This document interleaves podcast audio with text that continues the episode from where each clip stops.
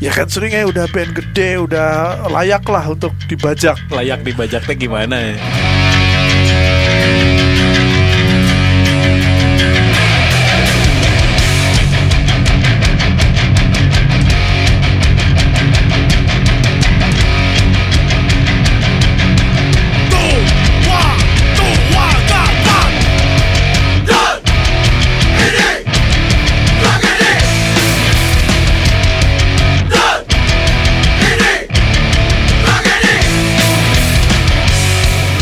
Denger-denger lo dihubungin sama personilnya I Hate God ya?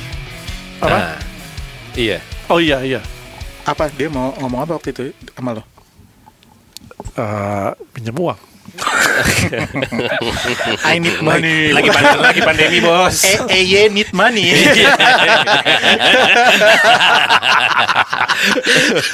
Enggak, cuman kok dia nanya, dia nanya ada beberapa akun yang kayaknya jual merchandise Bootleg. uh, I Hate God tapi bootleg dari Indonesia. Dia tanya lu kenal nggak orang ini gitu. Oke.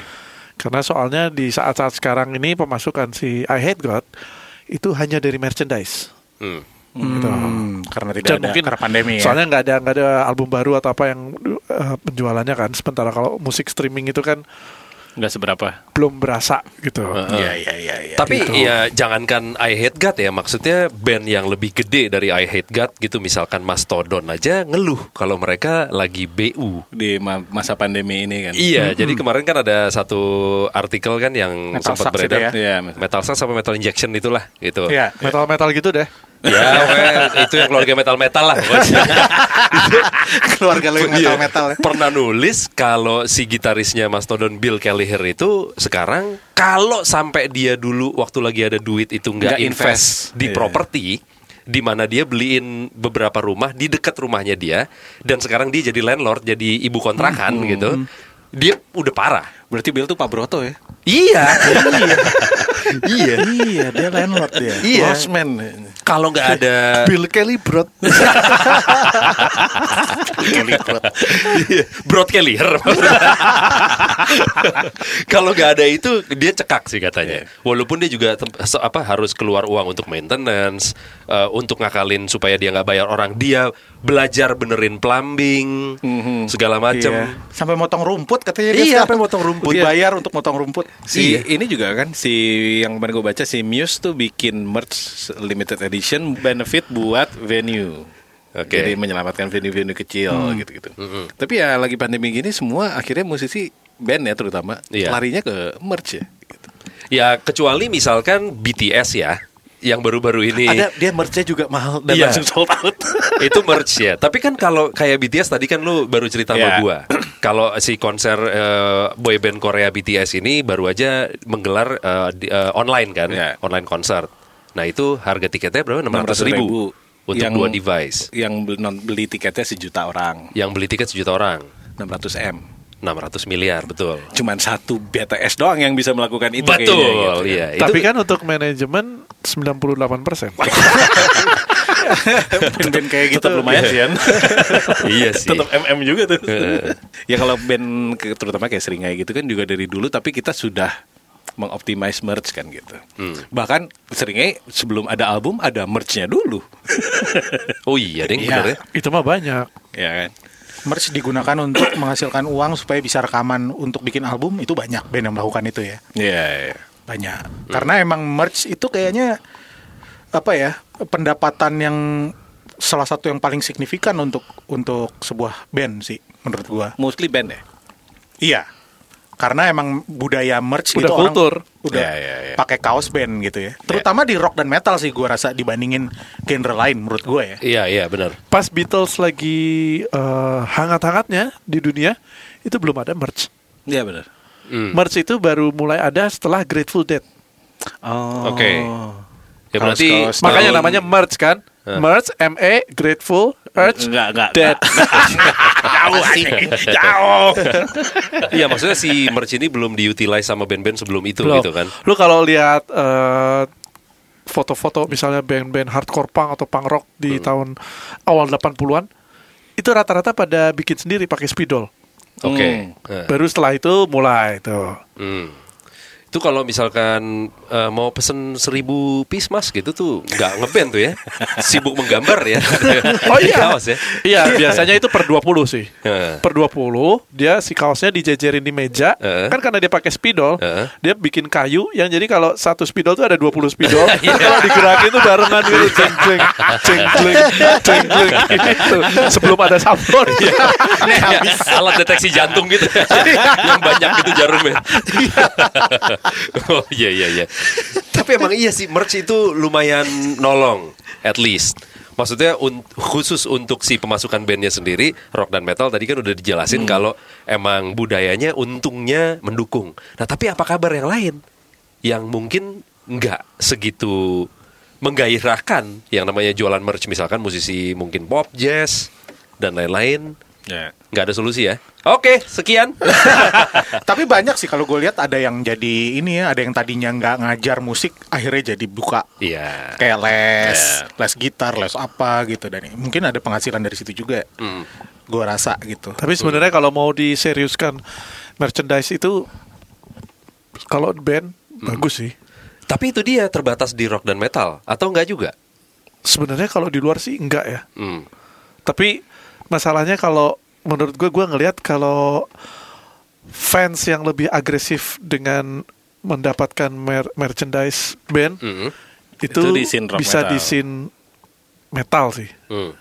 Rock Rock rock belum. rock ya rock dan metal. Ya berarti kalau misalkan lu tidak memainkan Maksudnya gini. musik rock dan metal, Lu di rumah punya kaos Slayer berapa biji? wah banyak. Berapa? Satu. Satu kodi kan? Kenapa emang? Enggak apa apa Ah. merchandise yang sama misalnya Motorhead Iya iya, misalnya ya, apa-apa. misalkan kaos Slayer gitu. Eh, mungkin 10 ada lah minimal. lu ada 10 Iya, kan, lu iya. mau kan beli. Kalau ada satu lagi yang keren lu mau beli kan? Mau. Lengan panjang terus walaupun harganya 800 ribu. Udah, udah kebetulan Itu udah- kemarin. udah- udah Oh, beli, udah, udah udah beli. itu dari gue. Lo, ya. Itu butik-butik gitu. Itu kaos Slayer gue yang paling mahal. Gue nggak tahu emang mahal apa gue dibohongin. Tapi ya udah, karena emang gue udah kepengen. Enggak, gua gua enggak ngambil untung anjing. Ah, bisa aja. Ntar gua kasih lihat invoice-nya. anjing. Harian tuh sekarang kapitalis. Yang sebutik ya, Yang hati-hati jangan ketipu. Gila, lo lagi BU buat apa sih emangnya? Lo ada keperluan mendadak apa sih? Kaya raya. Wah. ya kirain ada yang mendesak misalnya apa gitu. Menabung untuk masa depan gitu. Iya. ya. Enggak, gua sebetulnya sekolah anak Enggak, gitu atau apa. gua iya gua maksudnya gua mau harus membeli susu anak dan popok anak. Oh iya iya iya iya Iya iya. kan? Penting itu. Iya, Prioritas iya, lah, iya, prioritas. Prioritas dulu iya. lah. Betul betul betul. Stop beli merch-merch itu ya gitu. Enggak jual justru. Tetap beli. Jual. Iya buktinya kayak tidak kita tadi datang ke ruangan Aryan Eh. udah dipajang-pajang tuh kaos-kaos yang menurut dia kita akan suka. Iya, gue udah kena. Kiring joke gitu tuh sengaja. Itu sengaja pasti. ya? Di Gua Tanpa kayak harus gitu. ngomong ya, tanpa harus ngomong. Enggak, enggak itu Iya. kebetulan aja karena gua tahu nggak ada ukuran kalian. Apa L semua aja itu.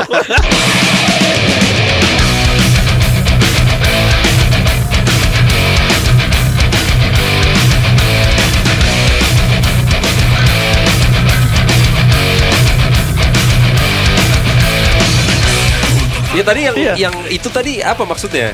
Gue Iya, kan Iya, maksudnya. Kita rela nih Ricky punya kaos Entum Banyak. berapa biji gitu kan. Hmm. Kaos ras gue banyak. Kaos Rush gitu karena lu suka bandnya, lu mau berapa kali gitu kan. Mm-mm. Sama dengan Seringai. Iya. Maksudnya Serigala Militia kalau desainnya bagus dan suka bandnya, dia mungkin punya kaos Seringai lebih dari 5, lebih dari 10 mungkin. Mm-mm. Gitu. Dan itu itu sering mungkin yang kita sama koleksi kaos-kaos mereka gitu. Karena emang kalau lu konser atau apa orang nunjukin dengan kaos nih band rata-rata warnanya hitam gitu kan. Datang ke konser datang ke acara. Tapi mungkin kalau ke eh, band seperti let's say apa ya Apa? band indie pop lah. Eh, fans ya suka banget band ini. Band X misalnya. Dia beli dua udah cukup. Karena kadang-kadang mereka datang ke konser nggak selalu pakai kaos band. Bisa outfitnya macem-macem gitu Kalau Oke. analisa analisa gembel gua, kalau di scene Annabelle. rock, iya, Annabelle. di scene rock metal itu tuh eh, idola mereka itu berdandannya bisa sama dengan dengan fansnya. Ah, Jadi iya. kayak lu mengidolakan Max Cavalera, Cavalera, Max Cavalera juga pakai kaos band. Hmm. Yang dia suka siapa Ah, gitu jadi kan. gue pengen berdandan seperti idola gue, dia juga pakai kaos band soalnya gue juga pakai kaos band deh. Hmm. Padahal gue suka band kayak Gwar loh. Iya. Atau Bjork lah minimal kan seharian pakai Sementara- baju angsa. Sem- sementara sin Sementara sih. itu bukan merch ya. Itu kostum. Oh gitu. Iya, iya. Beda ya. Oh iya, beda kan Oh, merch beda dengan ya. kostum ya. Tahu oke. kecuali tahu-tahu fansnya Bjork ternyata jual angsa itu dipakai ya bisa aja sih. Jadi merch dong. Jadi itu merch. harusnya manajemen Bjork jualan kostum angsa. kepikiran Iya. tuh dia. Colongan tuh ya. Iya. Terus tadi apa? Ya udah Iya, kita itu bikin ya. Boleh Bapak ini lanjut? Oh iya, boleh, boleh, ya. ya kayak scene indie pop deh kayak scene Oke. indie pop eh, mereka kayak idola-idola mereka kayak Oasis atau apa jarang kan lu lihat foto Liam Gallagher pakai kaos band jarang Happy Mondays gitu tuh enggak ya? jarang enggak jadi Bisa kayak- ada tapi jarang. Enggak. Hmm, jarang jadi kayaknya emang bukan culture-nya gitu Hmm. Paling sering tuh gue lihat anak-anak Oasis tuh pakai kaos band tuh ini. Adidas. Band mana sih itu? itu Adidas. Kebetulan itu merek. Band Jerman apa ya masalah? ya, kayak kita aja dulu kan kalau misalnya kita mau tahu sabu- sebuah band atau mau nyari band baru kita lihat dari kaosnya band idola kita Iya. Dulu gue ngelihat Gitu. eh, nyari band, pengen tahu band itu dari kaos-kaosnya Max Cavalera sama Dan Lilker. Dan Oh, Lilker, hmm, iya. Nuclear Assault, Assault. Hmm, atau iya. Brutal Truth. Kaosnya selalu, ih, selalu aneh-aneh ya, gitu. Hmm. Gue cari, oh cing, ternyata brutal. Iya, iya. Untung band-band zaman dulu masih terlihat ya ininya ya, fontnya ya, apa gitu ya. Lu bayangin kalau death metal yang akar-akarnya udah terlalu ini ya, spektakular nggak bisa tahu. Blood incantation gitu nggak kebaca Iya, gitu. Ini apa ya? iya. Kita juga pernah ada kejadian ya sama salah satu merch kita. Hmm. Apa? se- Dan ini juga udah sering masukan kemarin di apa eh, DVD di apa gitu. Si merch kita yang lencana. Iya, Gitu. iya. iya. Oh iya di DVD ada sedikit ceritanya sih. Ya udah nonton DVD aja. Sip. kita tuh termasuk salah satu yang sering dibajak ya. Banyak sih. Iya. Band-band lokal tuh lumayan banyak dibajak. Apalagi kalau dilihat ada lapak-lapaknya gitu kan. Bahkan Kalau sampai lapak lapak biasa fisik sampai lapak digital pun banyak bajakan. Iya. Iya. Ya maksudnya susah sih jadi band-band kayak misalnya Berak, Wallace gitu kan. itu bukan itu bukan band. Oh itu bukan brand. Oh brand. Oh iya. kita ngomongin apa emang? Oh band ya. Oh iya iya iya. Ya emang banyak sih. Ingat waktu gak waktu itu gue Di Purwokerto kita ada masalah. di Purwokerto kita lagi eh, kita videoin kan Ada masuk di ke vlog vlog. kan Mm-mm. tentang kalau gue pribadi gue nggak anti eh, bootleg Hmm. gitu tapi mereka juga jualan juga ya udah Hmm.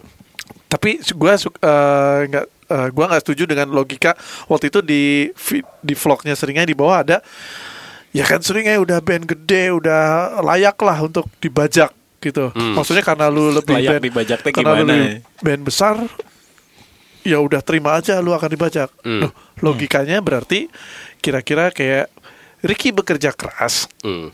terus suatu hari dia mampu membeli motor bekas Supra Hmm. Semi yang belum bisa belum mampu beli motor Supra Hmm. akhirnya mengambil motor Ricky Hmm. ini sekarang punya gua Iya. Ricky bilang loh kok gitu ya kan lu lebih kaya ya lu layak lah gua Ambil. gua, Gua ambil. ambil. Iya, iya. Iya. logikanya kayak gitu itu kayak itu Eh, aneh eh. Kemudian motor Supranya gua jual seharga 2 miliar. nah pertanyaannya Motor Supreme itu, motor Supreme.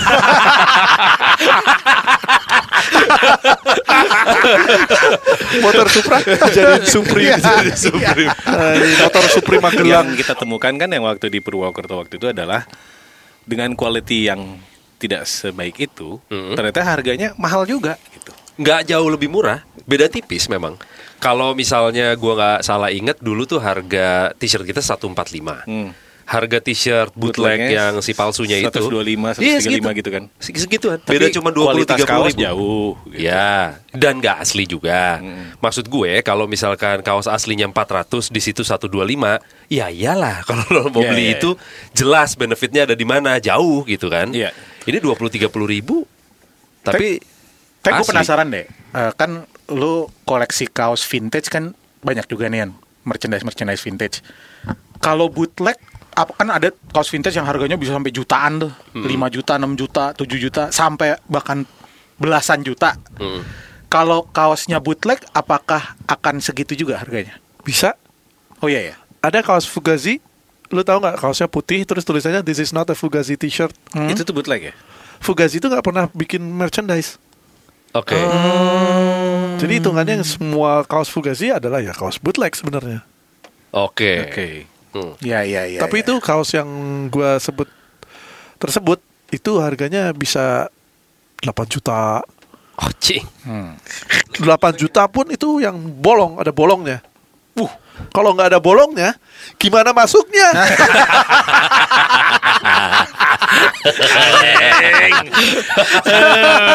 Anjing.